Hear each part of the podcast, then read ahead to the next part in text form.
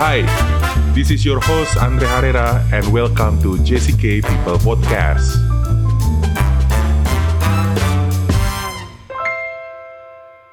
Halo, selamat datang kembali di JCK People Podcast. Dan kali ini spesial, kita sudah menghadirkan satu orang lagi, uh, apa ya namanya, anak muda yang terjun di kreatif industri juga. Kita sudah bersama dengan Ival. Halo Val. Halo, halo Kak Andre. Gimana kabar Val? Sehat? Alhamdulillah sehat. Sehat. Oke, jadi uh, kenapa kita ngundang Ival juga? Karena kalau di JCK People Podcast ini kita memang uh, sengaja ingin ngobrolin soal kreatif industri, Val. Jadi kebetulan okay. juga dirimu kan uh, berkecimpung juga di dalam uh, dunia kreatif industri, which is adalah dirimu benar. seorang fotografer, benar ya? Iya benar kak. Fotografer. Nah kalau boleh tahu nih sebelum nanti cerita lebih lanjut lagi, fotografernya fotografer apa sih Val kamu? Kalau di JCK sendiri lebih ke produk sih kak ya. Terus kadang ada dokumentasi gitu juga dikit. Oke, okay. Pro, foto produk berarti ya?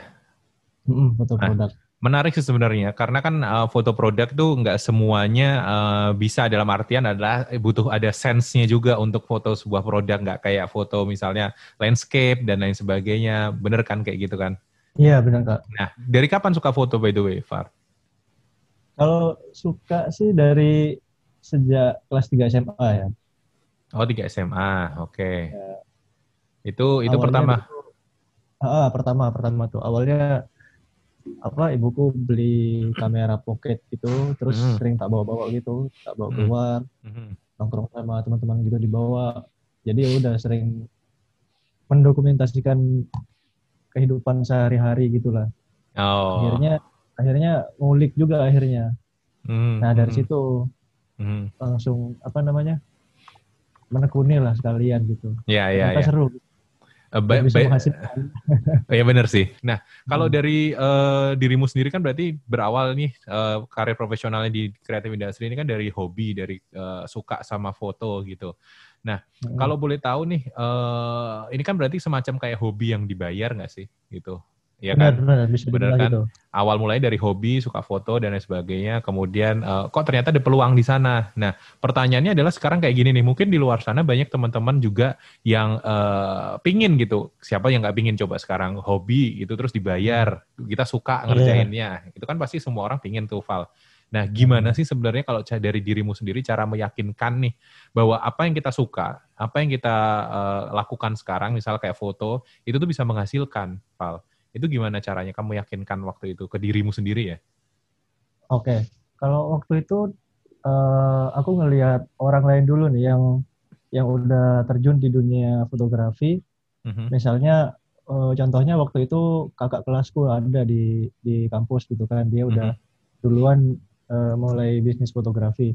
Nah aku mm-hmm. lihat tuh mm-hmm. uh, seperti apa sih hasil-hasil foto yang diterima oleh klien gitu loh kak. Mm-hmm. Nah dari situ aku pelajarin cara bikin foto seperti itu, cara apa namanya, cara ngolahnya. Mm-hmm. Nah setelah aku rasa hasil karyaku ini udah udah bisa dijual lah, baru aku nyoba tawarin ke klien, tawarin ke orang gitu lah. Mm-hmm. Lewat sosial media juga pastinya mm-hmm. sih itu. Mm-hmm Oh, berarti emang uh, nyobain dulu ya. Pertama ngelihat kok ternyata uh, ada peluang di sana, terus dirimu nyobain gitu. Berarti, berarti baru habis itu dirimu ngerasa yakin nih sebenarnya uh, hobiku ini bisa menghasilkan gitu ya tadi ya? Iya benar benar. Oke, nah kalau boleh tahu waktu itu pertama kali dapat berapa Val dari uh, yang pertama kali dibayar gitu dari hobimu ini? Kamu dapat berapa kalau boleh di sharing? Kalau pertama kali dibayar, apa ya, kalau nggak salah dulu seratus lima puluh ribu 150 itu, ribu. Itu foto apa? Itu foto priwet kalau nggak salah dulu. Oh, oke. Okay. Udah seneng banget tuh. ngekos atau gimana? Ngekos, ngekos. Oh iya, pasti seneng banget lah kalau anak kos. iya, lumayan. Eh berarti kamu dirimu sempat nyobain priwet juga, foto priwet? Iya, sempat dulu awalnya terjunnya ke ke dunia itu dunia priwet sama wedding pas kuliah. Oh, itu berapa lama kalau di dunia wedding dari pertama kali nyoba jadi profesional gitu waktu itu? Oh, lumayan lama sih itu dari sekitar 2013 tuh aku mulai nyoba-nyoba ke wedding tuh. Awalnya hmm. ikut ikut WO gitu, ikut wedding Aha. organizer. Aha. Itu sampai sampai lulus kuliah masih sih masih tapi udah gak gak di WO lagi jadi hmm. nerima sendiri itu udah oke okay, nah, berarti baru di hmm. GCP ini aku baru benar-benar mendalami produk fotografi. Gitu. Oke, okay. berarti uh, prosesnya juga nggak langsung uh, dirimu dari awal suka foto terus langsung ke produk nggak ya? Ternyata ada ngambil juga uh, di mana ada foto wedding dan lain sebagainya gitu ya, yeah, ya. Jadi kayak ada ada proses Batu lompatannya dulu ya. Pencarian jati diri, nyari genre yang pas sama aku gitu. Asik aku, genre. Iya. Aku nyamannya di genre apa nih gitu. sekarang udah nyaman belum? Yang sekarang? Udah, udah, udah. Ternyata di foto produk nih enak banget sih. Nah, Apalagi ini men makanan kan. Abis nah, itu dia. ini menarik sih sebenarnya buat teman-teman juga yang lagi dengerin. Mungkin kalau sampai saat ini belum menemukan gitu apa namanya genrenya yang uh, sesuai. Karena kan kalau kita ngomong soal foto kan ada macam-macam ya. Emang ada foto produk ada foto wedding ada foto uh, landscape ya uh, ada foto hmm. macam-macam gitu. Nah sebenarnya masing-masing itu juga punya itu sendiri ya. Apa tingkat atau titik kenikmatannya sendiri-sendiri gitu yang berbeda gitu. Yeah, yeah. ya kan? Kalau sekarang mungkin uh, Ival lebih merasa kayaknya yang foto produk ini uh, bisa apa namanya ya membuat senang juga ngerjainnya. Dan pengalamannya juga makin banyak. Apalagi anak kos foto produk makanan lumayan gitu kan kayak gitu. Nah tapi irit. iya bener irit. Tapi pertanyaannya adalah sebenarnya kan kalau seseorang itu pingin uh, jadi fotografer, kita lihat say secara umum dulu nih fotografer, hmm. pasti yang kepikiran sama mereka adalah, uh, aduh aku nggak punya gearnya nih yang bagus, aku nggak punya nih peralatannya yang bagus nih dan lain sebagainya. Karena nggak bisa kita pungkirin juga kan, untuk hasil yang bagus pun kadang dibutuhkan gear yang sesuai, yang bagus gitu. Nah iya, tapi sebenarnya Uh, apakah gear atau peralatan ini kalau menurut uh, Ival sendiri itu jadi satu penghambat nggak sih atau penghalang nggak sih untuk kita bisa maju lagi gitu jadi seorang fotografer yang profesional dan lain sebagainya? Kalau berdasarkan pengalaman Ival sendiri seperti apa? Iya, kalau berdasarkan pengalamanku sendiri dulu hmm. sih ya aku ngerasa emang apa ya sebenarnya kan gear bukan penghambat tapi kalau kita nggak punya gear yang mumpuni itu akan uh, berpengaruh ke hasil akhirnya nanti kak lebih kayak hmm, gitu sih. Hmm. Jadi misalnya uh, kamera kita kurang proper untuk sebuah uh, genre fotografi ter tertentu gitu, ya hmm. nantinya hasilnya gak bakal maksimal juga. Tapi hmm. jalan untuk ngedapetin gear itu banyak sih. Sekarang kan udah banyak kayak rental rental kamera seperti itu. Iya, benar-benar. Itu bisa diakali juga dengan uh, pengaturan budgetingnya nanti misalnya budget rentalnya udah include sama jasanya gitulah mm -hmm, mm -hmm, di belakang mm -hmm. itu udah bisa diakalin sih dulu aku gitu. Hmm. Iya sih bener sih. Mungkin kalau dulu mungkin nggak uh, mungkin kalau sekarang maksudnya segampang udah gampang banget gitu. Kalau dulu kan mungkin masih kita mikir ya, aduh minjem ke mana ya yang punya kamera bagus. Kalau sekarang kan gampang banget ya sudah jasa-jasa rental kamera yang bagus-bagus pun sudah ada dan itu juga nggak terlalu mahal ya terjangkau gitu. Iya. Tinggal ah, kita bener. tinggal kita mainin budget kita aja ya kalau urusannya sama klien hmm. gitu. Kita sisihkan atau kita kasih poin tambahan lagi untuk sewa itu yang mungkin nggak akan muncul di klien juga. Klien nggak tahu kalau kita itu nyewa misalnya kayak gitu. Itu jadi salah satu yeah. solusi juga ya. Yeah. ya. Oke, okay. uh, eh, berarti sebenarnya kalau tadi teman-teman dengar juga dari kata Ival nggak ada, itu bukan jadi penghambat, cuman memang harus disiasati sebenarnya, harus dicari solusinya gitu. Karena kita nggak bisa pungkiri juga, Val ya, kalau yang namanya kamera bagus pasti hasilnya juga akan bagus, gitu. Uh, pixelnya akan yeah. mempengaruhi juga gitu, dan itu harganya juga akan semakin tinggi pastinya. Nah, kalau Tapi, diri sebenarnya uh, daripada gear faktor yang paling besar itu ya justru uh, balik lagi Apa ke tuh? orangnya sendiri sih. Orangnya sendiri itu kayak gimana kalau menurutmu berarti? Cuma juga gearnya gearnya apa namanya gearnya bagus. Mahal. Tapi betul. mahal, tapi orangnya sendiri nggak bisa memakai gear itu dengan maksimal gitu kan. Iya sih. Bakal potensi sih. gearnya sendiri nggak bakal keluar juga gitu. Bener sih. Iya iya benar. Itu dua dua hal yang saling uh, apa namanya saling nyambung nih betul. Yeah. Apa uh, kalau kita nggak dari kitanya juga nggak ada effort untuk upgrade skill kita, skill kita biasa hmm. aja, misalnya nggak tahu uh, cara setting ISO dan lain sebagainya, misalnya itu kan juga gearnya sebagus apa pun juga hasilnya ya sama aja gitu. Itu uh, otomatis juga gitu kan. Tapi kan yang mau saya bilang di sini tadi sebenarnya adalah uh, bukan jadi penghambat tapi memang harus dicari solusinya gitu ya Val ya iya, kalau menurutmu ya Val ya. Karena kalau kita urusannya sama klien kecuali kalau kita foto pribadi kita sendiri ya untuk Instagram kita dan lain sebagainya itu sok silahkan mau pakai oh, iya. kamera apa pun terserah. Tapi kan kalau urusannya sama klien kan kayak gitu ya, Val, ribet nggak sih kalau di dunia fotografi itu uh, urusannya sama klien biasanya yang mereka minta revisi itu banyak nggak sih, Val? Enggak, sebenarnya nggak ribet sih, sama sekali nggak ribet malah. Uh, nah. Kalau dengan catatan kita udah preparing dari awal, maksudnya secara nah, benar, konsep, benar. secara apa yang dimau klien nah. kita udah tahu, udah disepakati bareng-bareng itu itu enak banget, gampang lancar banget. Nah, ini ngomongin soal prepare nih, mungkin sekalian nih Val, uh, sebenarnya hal-hal apa sih yang harus kita prepare di awal gitu untuk uh, mendapatkan sebuah hasil yang klien juga suka, klien juga uh, seneng ngelihatnya hasilnya dan sebagainya, itu yang harus di prepare di awal tuh seperti apa gitu persiapannya? Oke, biasanya aku tuh mm -hmm. uh, di awal tuh nanya dulu fotonya nih nanti buat kebutuhan apa gitu, apakah buat okay. kebutuhan sosial media atau hmm. untuk yang lebih besar lagi misalnya hmm. seperti uh, iklan di YouTube gitu, iklan di billboard hmm. dan di Instagram. Nah itu kan beda-beda harus treatmentnya gitu kak. Hmm.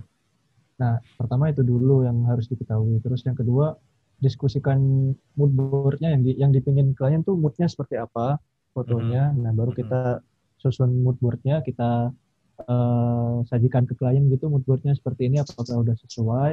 Hmm. Kalau udah sesuai disepakati bareng-bareng ya udah tinggal eksekusi aja sesuai hmm. mood board yang udah disepakati itu. Jadi patokannya udah di mood board itu gak biar gak melebar ke mana-mana. Gak ke mana-mana gitu ya. Iya. Nah. terus ada lagi mungkin persiapannya apa cuman itu aja? Biasanya. Udah sih cuman itu aja. Kalau secara Bias. teknis, kalau secara apa ya, secara tempat, alat dan sebagainya itu kan uh, kondisional juga tergantung. Menyesuaikan ya. Iya menyesuaikan. Hmm. Hmm ngikutin aja itu sih. Yang paling penting berarti kalau ketika kita seorang fotografer yang ingin mencapai hasil yang oke okay juga klien puas adalah ya memang komunikasinya harus bagus dulu ya di awal ya uh, Val ya. Iya benar. Kita harus uh, jelas dulu, clear dulu maunya klien seperti apa, kita harus tanya detailnya seperti apa, baru kita ajukan mood boardnya based on brief dari klien gitu ya. Ah, benar. Oke, nah biasanya kalau proses persiapan kayak gitu, kalau dari dirimu berapa lama sih, Val? Ini mungkin buat teman-teman juga yang uh, pingin sebenarnya uh, punya agensi juga dan pingin sebenarnya gabung ke agensi ke sebagai seorang fotografer, itu dalam mem membuat timeline itu untuk persiapan berapa lama biasanya? Oh iya, kalau di Jessica sendiri kan kita tim kerjanya tim ya kak. Jadi mm -hmm. aku nggak sendirian juga mm -hmm. apa mm -hmm. uh, bikin mood board dan segala macam okay. itu. Mm -hmm. Nah uh, kalau di JCP sendiri sih kurang lebih sekitar 3 sampai 7 harian sih kak. Itu untuk mood boardnya ya? Iya untuk untuk apa? Persiapan namanya? persiapan. Untuk persiapan di awal tadi. Nah, okay. Termasuk board juga. Mm -hmm, mm -hmm. Oke, jadi memang nggak nggak yang memakan waktu terlalu lama juga ya, tergantung di detail proyeknya juga ya, seperti apa ya dia yeah, maunya dan lain sebagainya. Itu pasti akan mempengaruhi ke persiapan juga. Iya benar sih. Iya. Setuju. Oke, nah Oh, selanjutnya nih sebenarnya kalau apa namanya kan tadi persiapan dan gear dan sebagainya itu sudah beres, kalau sekarang ini dirimu ngelihat nih sebagai as a personal yang uh, bisa foto dan seorang fotografer gitu, kalau industri kreatif secara umum nih, uh, Val nggak yang harus di JCK yang secara umum aja in general, hmm. industri kreatif kalau untuk fotografi sendiri itu seperti apa sih? Kalau kamu ngelihat sekarang, apakah sudah bermunculan banyak banget yang uh, setipe dengan kita, apalagi foto produk dan lain sebagainya itu seperti apa kalau kamu ngelihat? Iya, kalau secara general sih sekarang hmm. udah banyak banget sih kak apalagi hmm. di hmm. Surabaya sendiri yeah. aku ngelihatnya sih udah wah udah gak bisa dihitung kayaknya maksudnya persaingan persaingannya pun udah semakin ketat gitu loh kak kalau uh -huh. uh, secara apa namanya fotografer di fotografi produk sendiri uh -huh. ya tinggal sekarang kita gimana caranya kreativitas kita yang diadu gitu. Jadi benar-benar apa namanya untuk membedakan dari yang lainnya ya berarti kita harus memang uh, punya signature sendiri ya. kita oh, iya, seperti iya, apa, foto dan sebagainya. Nah, uh, sebelum yang terakhir nih Val, aku ingin tahu nih sebenarnya kalau dari kamu sendiri untuk di dunia industri kreatif yang fotografi ini, harapanmu tuh ke depannya seperti apa sih Val? Atau kamu punya plan ke depannya seperti apa sih? What next yang akan kamu kerjakan mungkin? Atau in general secara industri kreatifnya untuk fotografi itu yang seperti apa gitu? Ada nggak? apa kira-kira hmm. mungkin kayak gini ayo dong apa namanya yang baru muncul misalnya teman-teman fotografer yang baru muncul uh, harganya jangan uh, jangan itu gontok-gontokan kan ada kan kalau kayak gitu harga tuh perang harga tuh pasti ada tuh kayak gitu, -gitu. ada ada ada emang apalagi project-project kalau kita ngomong project-project personal ya yang kamu misalnya ambil freelance dan lain sebagainya itu kan pasti uh, harga itu perang harga itu pasti ada. Nah, itu mungkin salah satu harapanmu ke depannya atau seperti apa? Ayolah kita berkolaborasi aja, jangan uh, gontok-gontokan harga misalnya kayak gitu atau apa? soalnya lagi adem ayam juga sih. Jadi oh, gini, ada keresahan eh, gitu. Berarti berarti kalau lagi adem ayam pernah ada masanya nggak adem ayam dong pasti.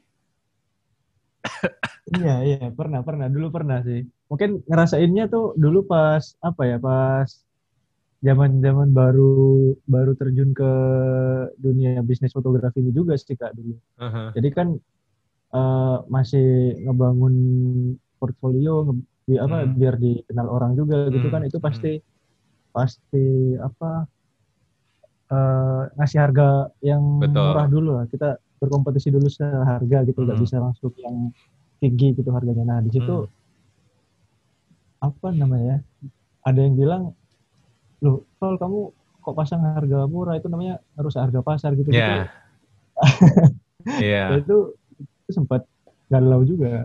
Sempat ngalamin fase itu berarti ya Val ya dirimu ya, ya yang sempet, uh, sempet kita mau ngasih ngasih harga tinggi takut nggak dapat dapat klien kita mau ngasih harga rendah ya, uh, orang bilang yang rusak pasaran dan lain sebagainya. Hmm. iya kan? Nah kalau kalau kalau dari kamu tuh solusinya gimana mungkin pertanyaanku itu aja deh kalau tadi pertanyaanku terlalu berat harapanmu ke depan seperti apa solusinya yang tadi atas uh, masalah mungkin yang teman-teman sekarang baru akan mulai itu pasti akan ngalamin seperti itu. Nah, solusinya dari kamu seperti apa waktu itu?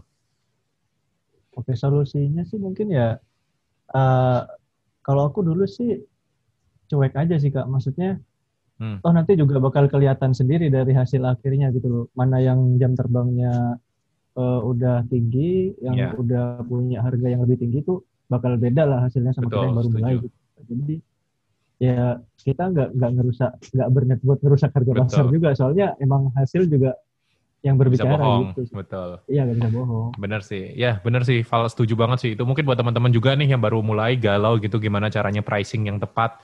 Balik lagi sebenarnya tadi poin yang sebelum ini yang aku bilang gitu. Kita harus tahu posisi kita ada di mana itu penting banget sebenarnya. Karena ketika kita tahu posisi ada di mana, kita bisa menghargai diri kita. Seberapa kita pantaskah untuk orang lain hire gitu.